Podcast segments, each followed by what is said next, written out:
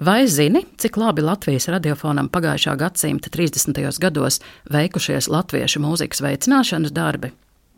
Radiofona attīstība pirmās brīvvalsts gados bija visnotaļ iespaidīga, gan tehnisko, gan muzikālo parametru ziņā.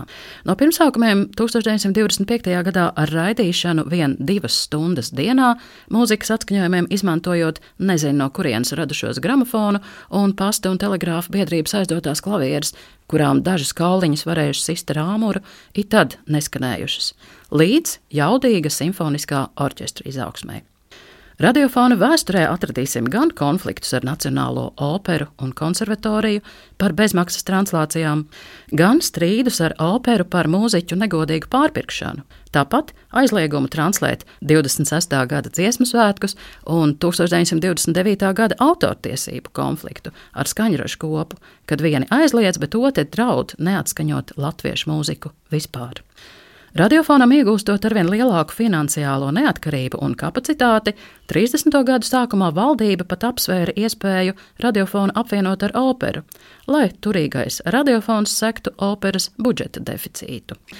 30. gados Latvijas radiofonam pilnīgi noteikti varam piešķirt mūzikas veicināšanas stratēģi godu, un galvenokārt tā rīkotā simfonisko skaņdarbu konkursu dēļ. Lai saprastu konkursu nozīmi, jāieskicē konteksts. 1933. gada mūzikas apskata Otrajā numurā publicēts Volganga dārziņa raksts Mūsu jauno mūziķu stāvoklis, kurā tobrīd vien 27 gadus vecais komponists teica, radošais darbs teju visās mākslās tiekot strādāts pa vaļas brīžiem, pa dzīves drāmas jeb komēdijas antraktiem. Tādu, kas varētu dzīvot tikai no radošā darba augļiem, nebūšot neviena paša, bet eksistences nodrošināšanas labad jāķers pie tik ienīstās pedagoģijas, žurnālistikas un tā tālāk. Vai lietas labāko darīt var radiofons?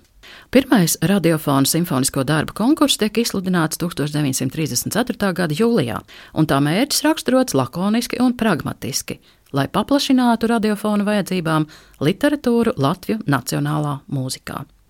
Paredzētās godalgas gan ir mazas - 300, 200 un 100 latu. Presa ziņo, ka konkursam iesūtīti 14 darbi, radiofons ar konkursa rezultātiem ir apmierināts, un tam jau nodomā jauns skaņdarbu konkurss plašāks un, cerams, ar vēl lielākām godalgām. Bet pirmie uzvarētāji ir Jēkaba Graubiņa darbs Vītola Kokle, Jāzepa Mediņa, Rudens noskaņas un Lūcijas Garūtas meditācija. Otro konkursu izsludina 35. gada janvārī. Noteikumi tādi paši, godalgas tiešām augušas, un nu ir 500, 300 un 200 latus lielas. Tiek iesūtīti 24 komponistu darbi, un mūzikas apskats konstatē, ka konkurss izdevies ļoti labi. Tas pārsniedz iepriekšējo arī ar augstāku skaņdarbu māksliniecisko vērtību. Uzvarētāji ir jau atkal Jāzeps Mediņš ar Latviju zemi, un tikko no konservatorijas skolas sola nākušie Jānis Ivanovs un viņa pirmā svīta un Adolfs Skulte un Viļņi. Kad 1937. gada februārī tiek izsludināts trešais konkurss, noteikumos ir zīmīgas ar autoritārā režīma kultivēto pozitīvisma ideoloģiju saistītas izmaiņas. Citēju nolikumu. Jaunu sacensību ierosina šādi apsvērumi. Kamēr pārdzīvojamais atzimšanas un nacionālās radīšanas laikmets mūsu rakstniecībā jau atradis spēcīgu atspoguļojumu, Mūsu mūzikā, un it sevišķi tās simfoniskajā nozarē, šī laikmeta celtniecības spars un dzīves prieks izpaužas samērā mazāk. Repertuāru pārvalda darbi, kuru smagums un bieži vienmuļīgais drūmums neatrod pašreizējos apstākļos attaisnojuma. Tamdēļ, lai veicinātu laikmetam atbilstošu skaņdarbu rašanos, pasta un telegrāfa departaments izsludina Latvijas radiofonu vajadzībām trešo sacensību jaunām Latviju orķestra kompozīcijām. Konkursā pirmo vietu gūst Jāzepa Mediņa otrā simfonija Ziedonī, otro un trešo vietu dala Pētera Barisona svīta Zieduvija un Eberhārda Lammasa pirmā simfonija.